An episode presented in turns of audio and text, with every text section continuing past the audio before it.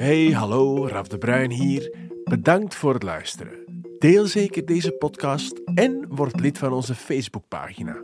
Op die pagina kan u vragen stellen, voorstellen doen en zelfs feedback geven. Want alleen via dialoog blijft de kwaliteit hoog. Hey, dat rijmt. dat rijmt.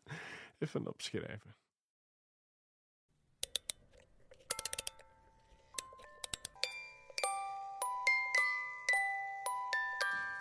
Kerstmis.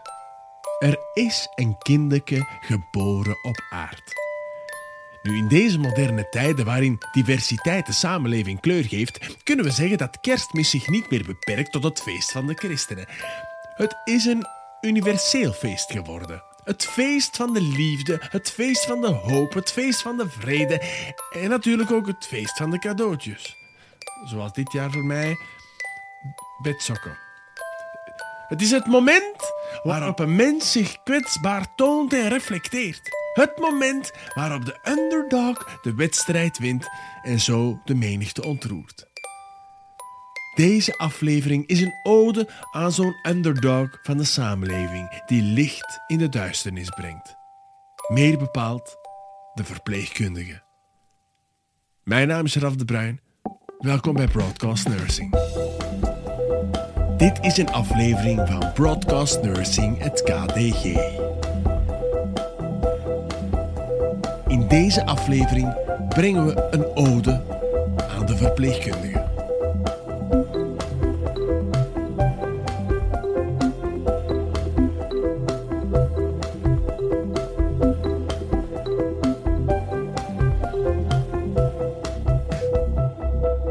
Wie is nu die verpleegkundige?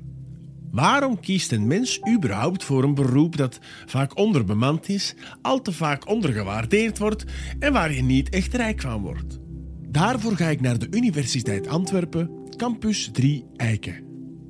Ik ga te raden bij professor Dr. Erik Frank. En Erik Frank is eerlijk waar de geknipte persoon om uit te gaan te vragen. Hij is gedragstherapeut, dus hij heeft kennis van zaken. Hij kan het goed uitleggen, hij heeft enkele boeken geschreven en heeft onlangs ook voor de Universiteit van Vlaanderen een mooie uiteenzetting gebracht. En tenslotte, de voornaamste factor. Ja, Erik Frank is een van ons. Hij is zelf van opleiding verpleegkundige. Dag Erik, welkom. Erik, je vertelde mij net over een interessant onderzoek dat onze collega Monique Braspenning heeft gedaan in het kader van haar masterproef en jij was haar promotor. Hè? Nu, dat ging over de vraag wie is nu die student verpleegkunde in vergelijking met de student geneeskunde. Wat kan je erover vertellen? Ik ben begonnen in eh, de Karel de Grote Hogeschool in, uh, even denken, 2008, denk ik. Dus uh, ja, een groot deel van mijn leven en mijn passie ligt daar in hoe kan ik studenten voorbereiden op. En uh, dat is ook een van de onderzoeksvragen geweest die we in 2013 in een onderzoek hebben gedaan om eens te gaan kijken, ja, wie is die student verpleegkunde? En in dat onderzoek zijn we eigenlijk uh, eerstejaarsstudenten verpleegkunde en eerstejaarsstudenten geneeskunde, omdat zij later toch frequent met elkaar moeten samenwerken. En ook laatstejaarsstudenten verpleeg- en geneeskunde uh, gaan onderzoeken, onder meer op niveau van hun persoonlijkheid en ook uh, op niveau van zelfwaarde. En daar ben ik toch wel heel hard verschoten van dat onderzoek bij studenten verpleegkunde, want dan bleek dat zij bij het begin van de opleiding eigenlijk al een significant uh, lagere zelfwaarde hadden dan de studenten geneeskunde.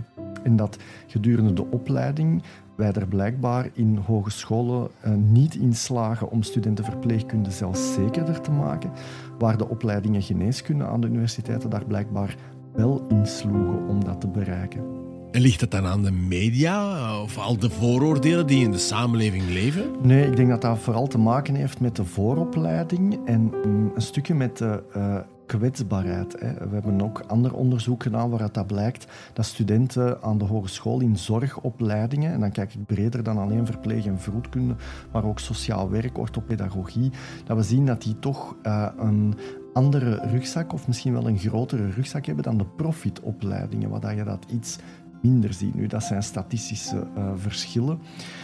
Ehm, dus je moet dat altijd een beetje relativeren uh, in de context ook. Maar ik heb dat ook altijd in mijn carrière wel ondervonden, dat studentenverpleegkunde, als ik hen vroeg of vroedkunde, wat maakt dat je uh, een zorgberoep kiest, ja, dan, dan zeggen mensen, ik wil gaan zorgen voor mensen. Nu, je kan op twee manieren zorgen. Je kan zorgen vanuit een overtuiging, of je kan zorgen om een bepaald doel te bereiken, zijn een appreciatie en iets te compenseren bij jezelf. En dan natuurlijk merken we dat de die ze hebben op het werkveld vaak niet een uh, perceptie is die overeenkomt met de realiteit, zoals je inderdaad hm. aangeeft. Ik denk eventjes terug aan twee podcasts geleden. Dat Aske van Elzen zei van ja, die kwetsbaarheid van die student verpleegkunde. In het begin is dat misschien een zwak punt, maar als ze daar goed mee omgaan, kan dat enorm krachtig gebruikt worden om juist die kwetsbare patiënt te bejegenen op een goede manier. Ja, tuurlijk. Want uh, kwetsbaarheid, authenticiteit, transparantie is eigenlijk een manier om in connectie te gaan met mensen. En uh, het is vanuit een connectie uh, te maken met mensen dat je eigenlijk een stukje mensen kan beïnvloeden en dat je optimale zorg kan leveren. Ik moet denken aan een van die studenten, ik ga hem even Kevin noemen, maar hij heet niet Kevin. Maar uh, toen ik op KDG begon, was hij, de, het eerste jaar heb ik een paar stagebegeleidingen gedaan en heb ik hem ook op stage begeleid. En hij was een hele gedreven student, echt, echt, echt gedreven. Nu, op een gegeven moment kwam ik op tussentijdse evaluatie toen en ik werd onmiddellijk aangeklampt door een aantal verpleegkundigen en die zeggen, ja, zeg met de Kevin, echt, dat valt niet mee samen te werken. Wat een bedweter is met dat. Nu, wat was er op een gegeven moment gebeurd eraf? Wel, die jongen uh, werd opgeleid aan de hogeschool. Dus hij had op een gegeven moment geleerd dat hij een bepaalde oogverzorging op een bepaalde manier moest doen, wetenschappelijk onderbouwd. Natuurlijk, in de praktijk zie je dat daar heel vaak verschil op zit. En dus, hij is in de kamer met een patiënt samen met zijn stagebegeleidster, die doet een verzorging, niet op de manier dat hij het had geleerd. En in al zijn enthousiasme en expressiviteit zegt hij, ah, zo mocht je dat niet doen. Natuurlijk, je kan je voorstellen wat er dan gebeurt. Die verpleegkundige was zeer sterk uh, op haar tenen getrapt, keek heel vies naar hem, uh, is nadien buiten gekomen, heeft tegen haar collega's gezegd, zeg, moeten nu eens wat weten wat hij heeft gezegd. Ik moet er geen verhaal bij vertellen. En het, het, leuke is dat ik die jongen heb kunnen begeleiden en dat ik die eigenlijk heb laten in contact komen met zijn eigen kwetsbaarheid, zijnde zijn onbedoelde effecten die hij had. Want hij was dan wel heel gedreven had de beste intenties, maar kon op dat moment nog niet zien dat zijn goede intenties soms niet hetzelfde waren als het effect dat hij had op zijn omgeving. En dat is inderdaad de kracht van kwetsbaarheid.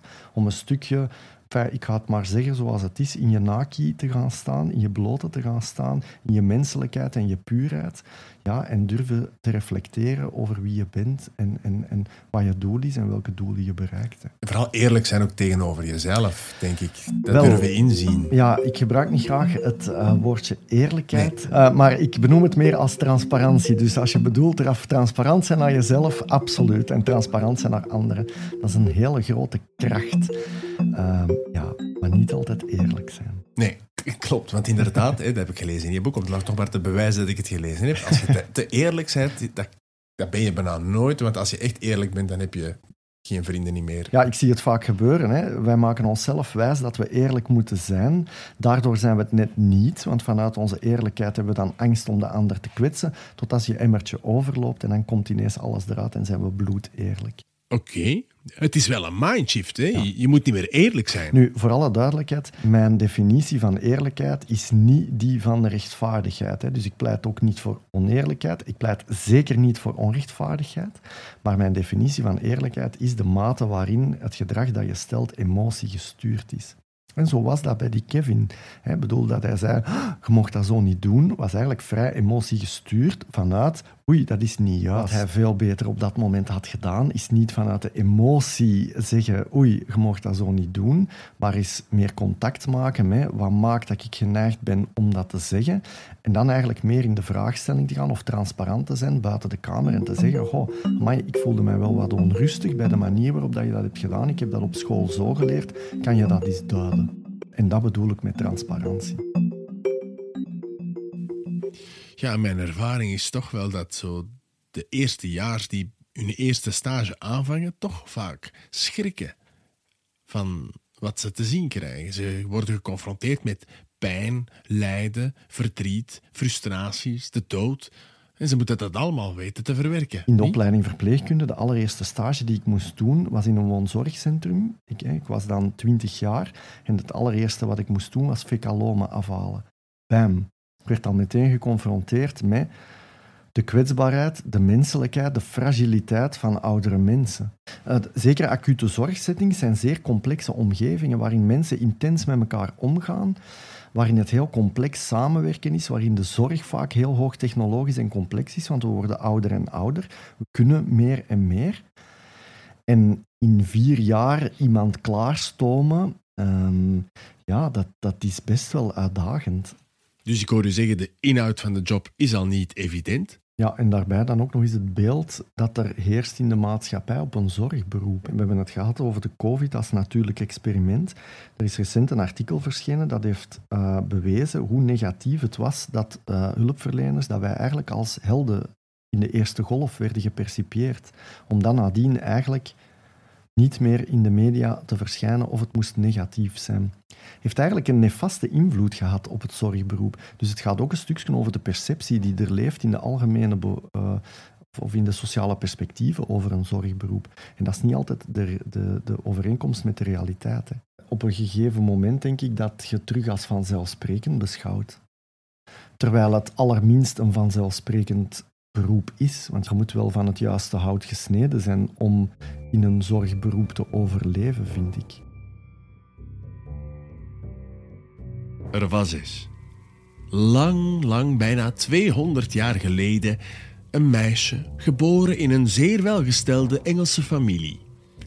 Ze genoot een goede opleiding, wat zeer uitzonderlijk was in die tijd. Maar tot grote ontsteltenis van haar vader werd het voor haar duidelijk dat ze een roeping had, namelijk het lot van arme, zieken en gewonden verbeteren.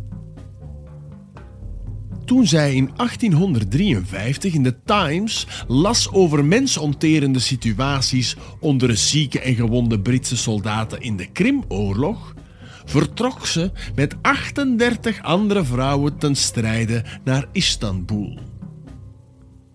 Met geduld tact en organisatie wist zij de zorgen te verbeteren. Al gauw werd ze door de vele soldaten op handen gedragen en kreeg ze de bijnaam The Lady with the Lamp. Want zij bracht letterlijk en figuurlijk licht in de duisternis. En zeker toen ze ontdekte dat veel soldaten stierven ten gevolge van een defecte riolering en erop aandrong daar iets aan te doen, werd zij heldin van het volk en tegelijkertijd antiheld van de aristocratie. Misschien lijkt dit verhaal binnen onze context niet echt opmerkelijk, maar in die tijd was het allerminst evident dat een vrouw nota bene de spreekwoordelijke lakens uitdeelde en het opnam tegen een mannenbastion. Het werd voor de aristocratie eens zo pijnlijk dat zij de enige was die na de terugtocht op handen werd gedragen.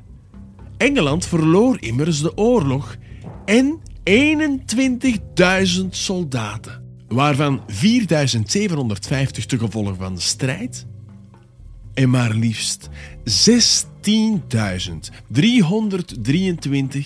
te gevolge van ziekte. En dat werd toegeschreven aan het wanbeleid van het leger. En ontkennen was geen optie. Want diezelfde vrouw had alle cijfers mooi bijgehouden en omgegoten in grafieken en tabellen. Zij was de eerste die zorg wist te objectiveren.